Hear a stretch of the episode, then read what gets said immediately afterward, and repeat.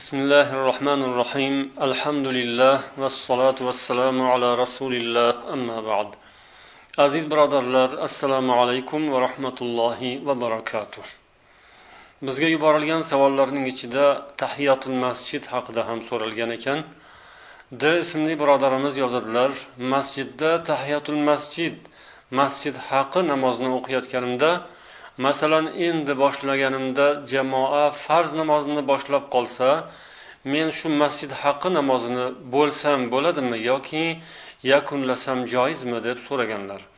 Biz hozir mana shu savolga qisqa javob beramiz inshaalloh. Undan keyin esa tahiyatul masjid namozining ba'zi ahkomlari haqida so'zlaymiz. Demak savolda so'ralganidek holat yuz bersa ya'ni tahiyotul masjid o'qigan o'qiyotgan paytda farz namozi boshlanib qolsa yoki farz namozga takbir aytiladigan bo'lsa tahiyotul masjid namozini ham va boshqa nafl namozlarni ham to'xtatish lozim bo'ladi. Agar ruku qilmagan bo'lsa hali bir rakat o'qimagan bo'lsa namozni buzadi to'xtatadi va farzga iqtido qiladi. Agar ruku qilgan bo'lsa unda namozni tugatib qo'yadi. Endi tahiyatul masjid haqida payg'ambar sollallohu alayhi vasallamning bu hadislarini eslashimiz lozim.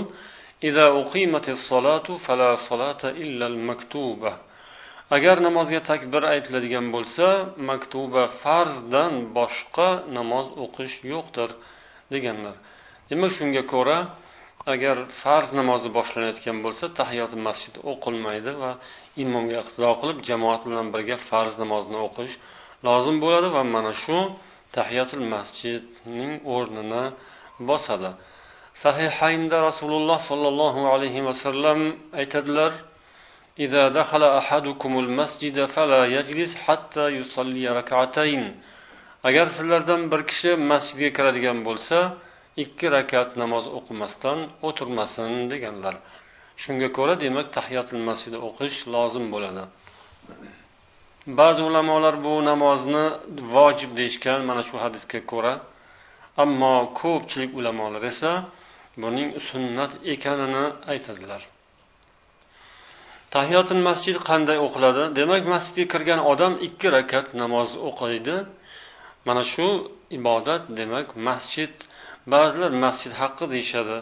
Ya'ni masjidni hurmati uchun o'qiladi deyishadi. Ammo ba'zi ulamolar esa masjidning hurmati uchun emas balki masjidning egasi bo'lgan alloh taolo roziligi uchun o'qiladi. Alloh taologa tahiyyat ma'nosida o'qiladi deganlar. Addurul muxtor kitobida mana shunday deydilar.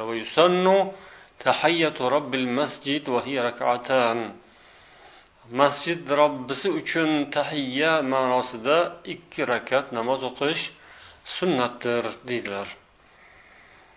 Tahiyatul masjid bu demak alloh taologa qurbat hosil qilish uchun o'qiladigan namoz va shu bilan bir qatorda albatta masjidning ham hurmati bajo qilingan bo'ladi. Tahiyatul masjid o'qishdan ozod qilinadigan odamlar ya'ni kimlarning zimmalaridan bu namoz soqit bo'ladi? Bu masalada shuni aytish mumkinki agar masjid xatibi imomi juma namoziga kelib xutba uchun kelayotgan bo'lsa u shunday kirib o'tirmasdan to'g'ri borib minbarga o'tiradi va xutbani boshlaydi. Demak masjid xatibi juma va id kunida juma xutbasi uchun va id xutbasi uchun kelganda demak u tahiyatul masjid o'qimaydi. Hayit namozida demak avval boshlab id namozini o'qib keyin xutbaga chiqadi. Ammo juma kuni esa shunday kelib to'ppa to'g'ri demak minbarga chiqib masjidda juma xutbasini boshlaydi. Yana shunga o'xshagan masjidda xizmat qiladigan xodim ham doimo masjidga kirib chiqib o'sha atrofda ko'p bo'lgani uchun masjidga kirishi takror takror bo'lgani uchun u ham har safar kirganda tahiyat masjid o'qishi lozim bo'lmaydi. Yana xuddi shunga o'xshab tashqaridan kelgan odam ham agar kirgan zahoti farz namoz boshlanayotgan bo'lsa uning ham zimmasidan tahiyatul masjid o'qish soqit bo'ladi. O'qigan farz tahiyatul masjid o'rniga o'tadi. Yoki agar sunnatni boshlasa namozning sunnati masalan peshinning sunnatini boshlaydigan bo'lsa u ham tahiyatul masjid o'rniga o'tadi. Tahiyat masjid unga lozim bo'lmaydi. Ammo imom masalan vaqti bemalol bo'ladigan bo'lsa boshqa namozlarga kelgan mahalda demak namoz payti bo'lgunga qadar o'ltirib kutishga to'g'ri keladigan bo'lsa u o'tirishdan avval tahiyat masjid o'qishi kerak bo'ladi. Chunki o'sha hadisda aytilganidek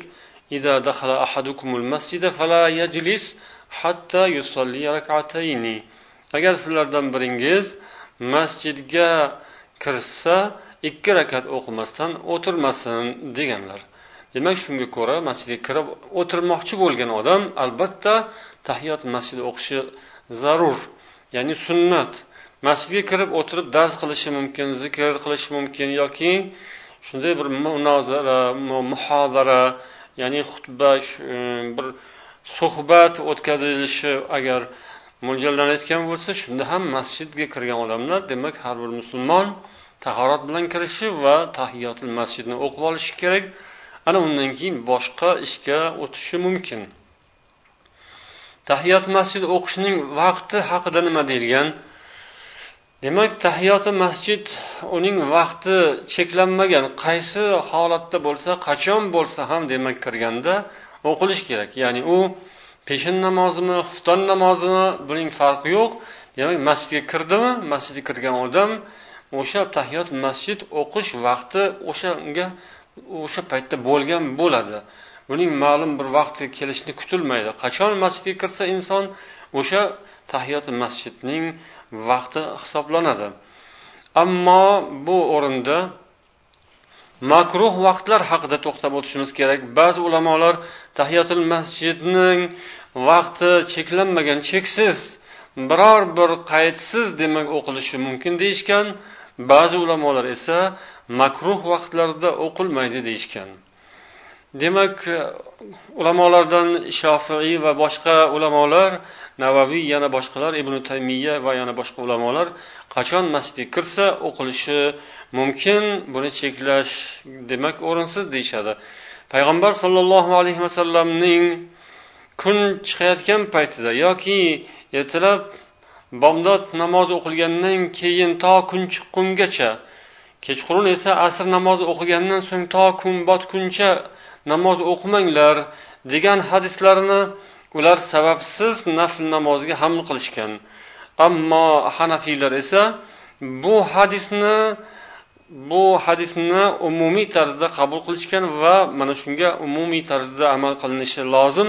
Hech qanday namoz o'qib bo'lmaydi shu hadisga ko'ra deb aytadilar. Va ruxsat beradigan qovullarni demak ibohat qovullarini ogohlantiradigan qovuldan ustun qo'ymaymiz deyishadi. Ya'ni rasululloh sollallohu alayhi vasallamning ogohlantiruvchi ya'ni taqiqlovchi hadislar bor. yoki ruxsat beruvchi hadislar bor mana shularni taqqoslaganda ogohlantiruvchi hadislar bilan e, ruxsat beruvchilar agar muqobil keladigan bo'lsa muqaddam tutiladigani ogohlantiruvchi bo'ladi deyishadi abu hurayra roziyallohu anhudan rivoyat qilingan hadisda أن رسول الله صلى الله عليه وسلم نهى عن صلاتين عن الصلاة بعد الفجر حتى تطلع الشمس وبعد العصر حتى تغرب الشمس abu hurayra roziyallohu anhu dedilar rasululloh sollallohu alayhi vasallam ikki namozdan qaytardilar fajr namozidan so'ng to kun chiqqunga qadar namoz o'qishdan va asrdan so'ng to kun botgunga qadar namoz o'qishdan rasululloh qaytardilar deganlar al bahrul royiq kitobida غير أن أصحابنا يكرهونها في الأوقات المكروهة تقديما لعموم الحاضر على عموم المبيح يعني umumiy tarzda ruxsat berilgan qavldan ko'ra umum tarzda ommatan taqiqlangan qavl muqaddam tutiladi deydilar سبحانك اللهم وبحمدك أشهد أن لا إله إلا أنت أستغفرك وأتوب إليك والسلام عليكم ورحمة الله وبركاته